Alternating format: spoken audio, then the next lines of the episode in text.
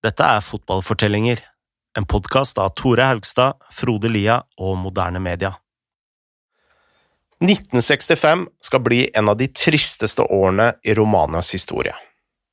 Det er da Nicolas Ceaucescu blir president for det kommunistiske partiet og tar kontroll over landet. Ceaucescu skal bli den ondeste, sprøeste og mest kyniske diktatoren i Øst-Europa. Men midt oppi galskapen vokser en rivalisering internt i partiet som skal føre rumensk fotball inn i en gullalder. Dette er historien om hvordan Stoja Bucuresti, laget til den kommunistiske hæren, vant Champions League mot alle odds.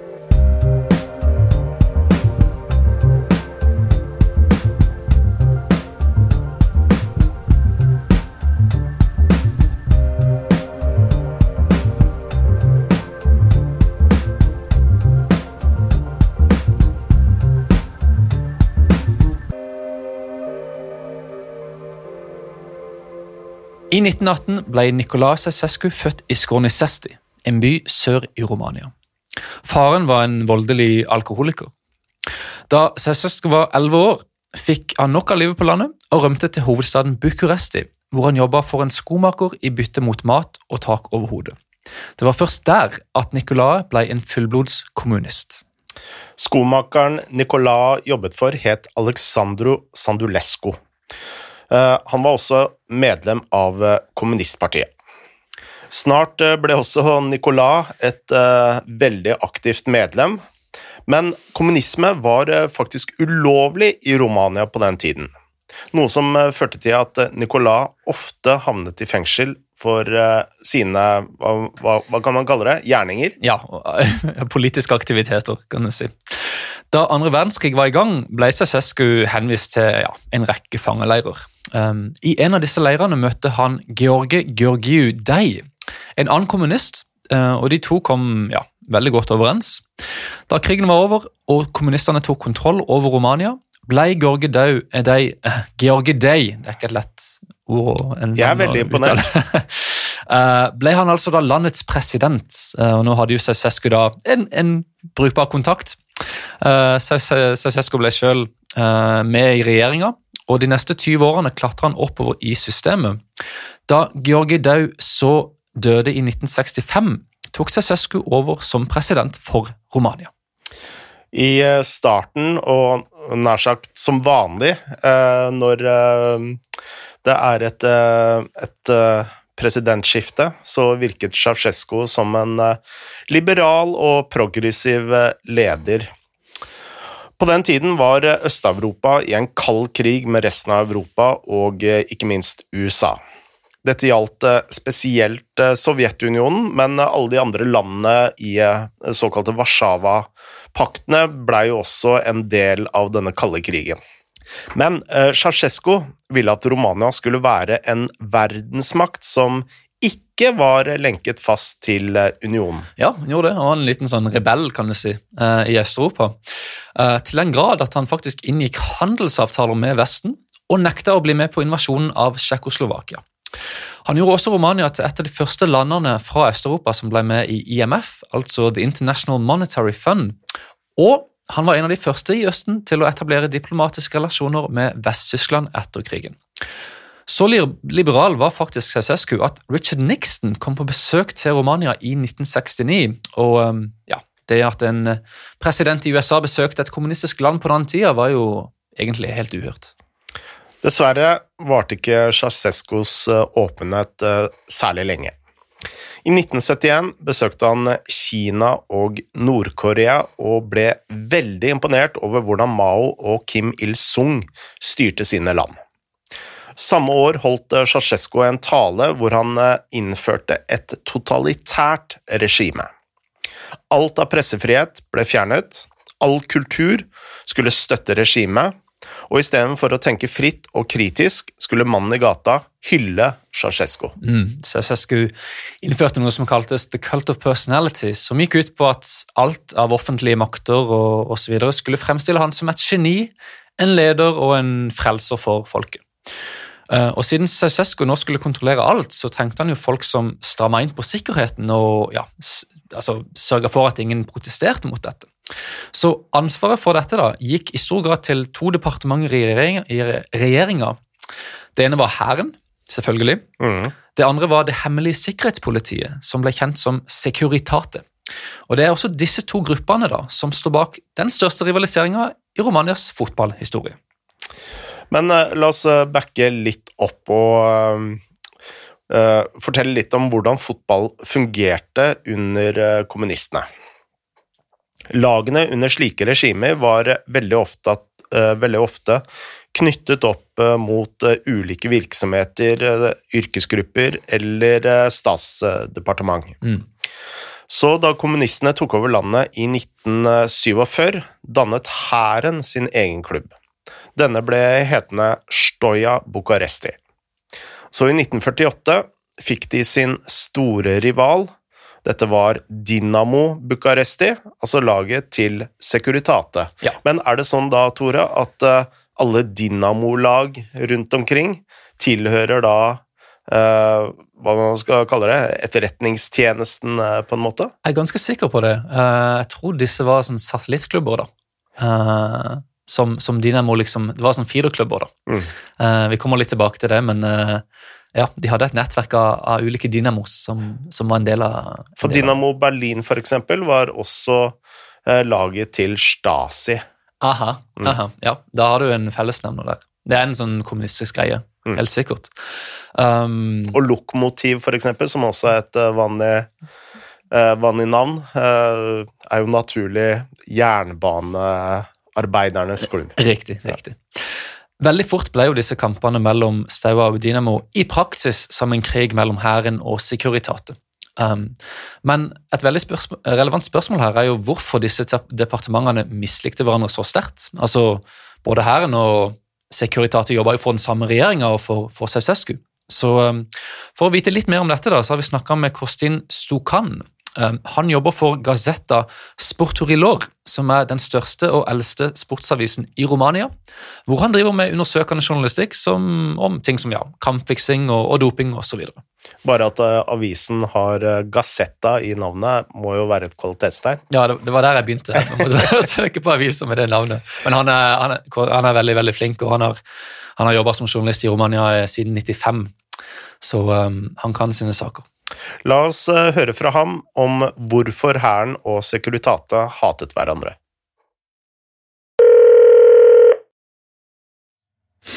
I think it was in the system, in the system of the communist uh, regime all over the world. Uh, the army was a force everywhere. Let's let's take the, the, the example of the Soviet Union. The army was on the paper the strongest uh, uh, uh, uh, part of the Soviet Union, the, the strongest uh, instrument of the Soviet regime because they had mm, soldiers, they have weapons, they have everything. The army was the strongest thing in in a in a communist regime, and it was a a, a, a weapon to to use in order to to bring the revolution all over the world. The army, the weapons. But on the other hand, every communist regime needed to have ears everywhere in every house. So that's why the secret services appeared. Of course, in Russia, for instance, the secret services appeared in the Tsarist uh, times, long before uh, the communist revolution started in 1918. But uh, the communist regimes brought this to another level the the securitate system the secret services system because they needed to know what the people think not only what the people talk. So they had to know everything in order to to stop uh, internal uh, convulsions internal revolutions counter revolutions so they had to need any, to to know everything and the securitate the secret services started to to even dominate the army because the army people also have skeletons in their closets. I don't know, affairs, um, dissentment, a lot of things, you know, and the secret services knew everything. So that's why they were also a strong part of the of any communist regime. And of course they hated each other because it was the influence they had to had to have you know the army people the securitate people. So that's why they it was a natural hate between them. Jobben til Securitate var da i praksis å slå ned på all form for protest mot eh, regimet. De avlyttet eh, omtrent hver eneste telefon i landet. De rekrutterte et enormt nettverk av spioner og tystere.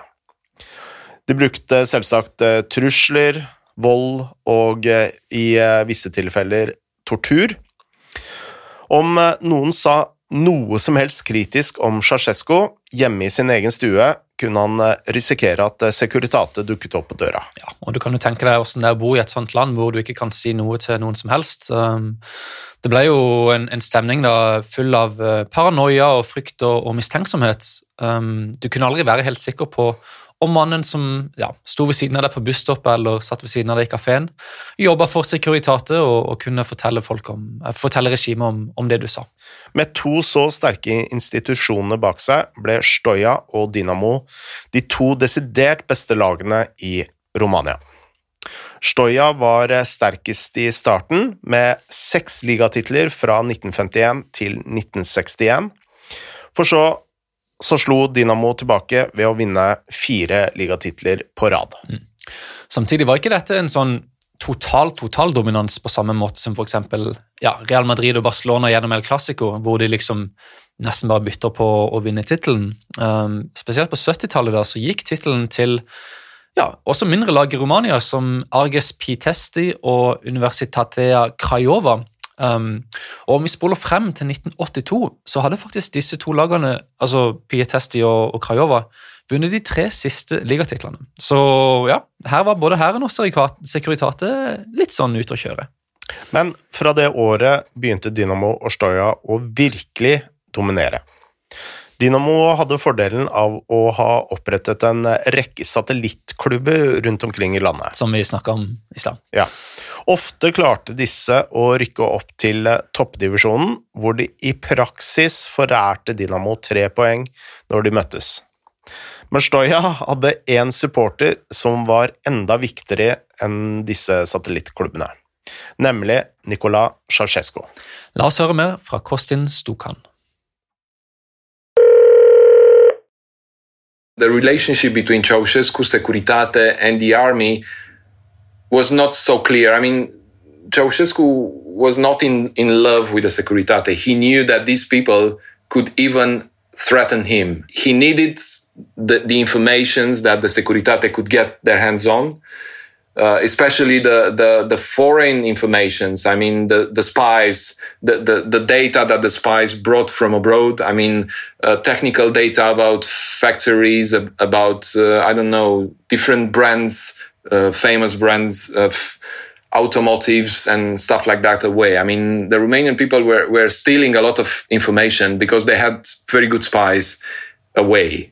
And Securitate was behind it. Of course, the, the foreign uh, arm of the Securitate was behind it. And Ceausescu needed the Securitate, but I think he, he was he he loved more his uh, his army because the army was was his. You know, I mean, he trusted more the army, Ceausescu, and probably that's why Steaua in the 80s became such a force. Vi må legge til her at Ceausescu ikke var en sånn enorm fotballfan sjøl, men uh, som veldig mange diktatorer da, så forsto han jo hvor mye makt fotball hadde som politisk våpen. Et eksempel på dette er Olt Skornicesti, fotballklubben til hjembyen til Sausescu, Eller hjemby, det er mer som en landsby, egentlig. Mm. Uh, ser du på Google med Maps, er det sånn en, vei som går gjennom hele bygda, kan du si. Mm. Uh, denne klubben ble oppretta i 1972.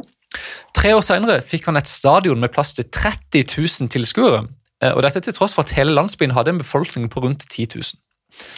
Når du som fotballklubb er kjæledeggen til landets diktator, er det selvsagt lett å vinne kamper. Mm. Det tok ikke mange årene før Olt spilte i toppdivisjonen. Og det er vel ingen overdrivelse å si at eh, noen av resultatene på veien dit var eh, litt mistenksomme. Det kan vi si. I 1978 slåss de f.eks. om opprykk fra tredjedivisjon, da de lå likt med laget, og hold dere fast nå, Flakara Moreni i én runde før slutt. De to hadde samme målforskjell, så laget som vant eh, sin eh, kamp med flest mål, ville rykke opp. Olt overlot ingenting til eh, tilfeldighetene, for de vant sin kamp 18-0. Ja. 18-0!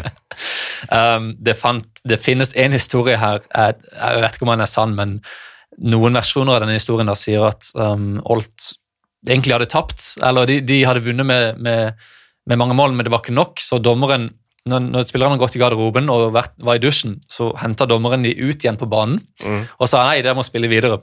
Og så skårte de ni mål til. Okay. jeg vet ikke om det er sant, men uh, uansett da, så, så, så, var det mye rart rundt Olt, og dette var ikke den eneste episoden heller. Um, kun året etter, i, i 1979, vant de en kamp 2-1 med et mål som ble godkjent etter at sluttsignalet var gått. Um, og Da dommeren i den kampen senere ble spurt om denne hendelsen, så sa han følgende Hvorfor er du så overraska? Vet du ikke hvem dette laget tilhører? Og det, kunne man jo forstå. Uh, det var jo Cesescu som, som, styrte dette. Uh, mannen som stilte spørsmålet til dommeren, var Petrica Nicolae, som var et medlem av sportskomiteen i Bucuresti. Og selv etter at han hørte dommerens forklaring, så valgte heller ikke han å sende inn noen klage på dette resultatet. Hvorfor det? Fordi, som han sa, på kontoret, til, på kontoret, mitt henger det et bilde av Cesescu, og på rommet mitt henger det et bilde av Cesescu. Det var ikke feighet, det var realisme, sa Nicolas. Vi hadde i praksis ikke noe valg. Om eh, Olt hadde en fordel av å ha regimet i ryggen, var det samme definitivt sant om Stoja og Dynamo. Dette var eh, spesielt tilfelle på overgangsmarkedet, hvor de to lagene i praksis kunne hente hvem de ville. Da Stoja ville hente forsvarsspilleren Midrodrag Bellodeli Ah, fadder, ja! Miodrag Bellodedici. Tusen takk. Fra et uh, akademilag i Bucuresti var det ikke snakk om uh, langvarige forhandlinger. Han uh, visste selvsagt at han måtte si ja. Mm. Samtidig var det sant at spillerne fikk flere fordeler av å spille for to av regimets lag, så alt var var jo ikke helt natta om, om du ble henta til Stoya eller, eller, Dynamo. Vi har snakka med Emanuel som er en velkjent fotballjournalist i Romania. Han fortalte oss om hvordan spillerne i Stoya og Dynamo ble behandla. I was telling you about uh, earlier that about uh, the fact that maybe the clubs were unhappy, players were leaving for Stella, but uh, you should realize that the players had fantastic privileges, so they were desperate to to join this club and Dynamo as well because they lived better life. Uh, they were uh, given better jobs after football. Uh, during their contracts, uh, they had a fantastic life compared to a normal per- person's day to day life. So, yeah, it was uh, at those in those times. Um, it was as luxurious as it can be to play for the, the big clubs in, uh, in Bucharest. Om Stoja og Dynamo ville ha en spiller, ja, da fikk de den spilleren. Det var jo ikke snakk om. Men uh, problemet blei jo når begge ville ha samme mann. Mm. Da ble det kokos og krig. Begge lag tilbyr jo selvsagt uh, spillere alt fra penger til klokker og hus. Sikkert damer òg. Mm. Uh, men om det ikke fungerte, hadde både Hæren og Securitate alternative metoder. La oss sette over til Kostin Stukan. when you were 18, you had to do the army. You, you had to went to the army. So Steaua Bucharest used this to get their hands on the most talented uh, youngsters, you know, because they said, okay, you have to go to the army. Where do you want to do your, your army stage? somewhere in the northern part of the country, uh, 600 kilometers, 700 kilometers away from Bucharest, or you want to do your stage in Bucharest uh, with not a lot of fuss. I mean, with good food, uh, not a lot of army duties. And of course, most of the young, youngsters man, uh, uh, uh, choose to, to, to sign for Steaua Bucharest and to do a, uh, a mild uh, army stage. On the other hand, the security, Securitate, uh, were more mean, I, I, would say, because they were using the the soft spots in the past of the families of the players. I mean, if I don't know, for instance, a player had an uncle who was convicted for thefts, for, for thieving, for, for, I don't know, for any crime. They were using this, you know, to, to blackmail the player, the players. I mean, they were using everything. I mean, if they need, if they, if they knew something about the past of, of the families of, the, of, a, of a certain player, they were interested in, they were using those. And also the political crimes were, were very serious at that time. I mean, you cannot say anything against the regime. You cannot talk in public against Ceausescu. So if any of your, your family members did that and you were, you were a good player, football player that Dinamo wanted, you had all the chances to, to go to Dinamo because Dinamo, Securitate, in fact, the, the, the system behind the club, uh, knew everything you did and they were blackmailing people to get their hands on the players. Tidlig på 80-tallet førte disse metodene til noen ja, litt spesielle episoder. La oss ta for det som skjedde i 1981. Da var Staua i ferd med å hente forsvareren Stefan Iovan fra Resita. Plutselig prøvde Securitater liksom hijacke dealen da ved å få han til Dynamo i stedet. Og Hvordan gjorde de dette? Eh, de pressa eh, Jovan ved å si at de visste om ei dame som han hadde gjort gravid to år tidligere. Dette var altså ja, ren blackmailing, som det heter, fra Securitate. Ved et eh, annet tilfelle ønsket Stoja å hente Adrian Bombesko fra Olt. Men hver gang de skulle besøke ham for å skrive under på papirene, beordret Securitata ham til å besøke familien sin i Krajova, som lå et godt stykke unna. Dette skjedde så ofte at Stoja måtte vente i flere uker før de fikk eh, overgangen i boks. Mm. På starten av 80-tallet var det Dinamo som beherska dette skitne spillet best. Eh, de vant tittelen i 1982, men Stoja havna helt nede på sjetteplass. Året etter tok Dinamo en ny tittel igjen. Eh, det hjalp utvilsomt at Securitate hele tida avlytta Stauas klubbkontor. Uh, de visste jo alt. Uh, en gang hadde faktisk ministeren for Hæren, altså Konstantin Oltinau, hatt en, en, privat samtale med Angel Jordalescu, som var Stauas assistenttrener. Litt senere hadde Oltinau møtt Tudor Postelnico, som var sjefen for Securitate. Da hadde Postelnico fortalt han ord for ord hva han hadde fortalt uh, Jordanescu i den tidligere samtalen. Så her snakker vi om en, ja, en gjeng som de, de, viste rett og slett alt. Det, det, er jo litt som om eh, Liverpool skulle hatt et eh, kamera med mikrofon inne på kontoret til eh, Ed Woodward. ja, det er mer eller mindre. Dominansen til Dynamo skapte en sportslig krise hos Hæren. Stoja hadde nå gått fem år uten å vinne en eneste ligatittel. Men i 1983 gjorde Oltaneau en ansettelse som skulle snu klubben på hodet. Det året gikk ansvaret for klubbdriften til en mann ved navn Valentin Ceaucescu. Han var en stor fotballfan. Han var også diktatorens sønn.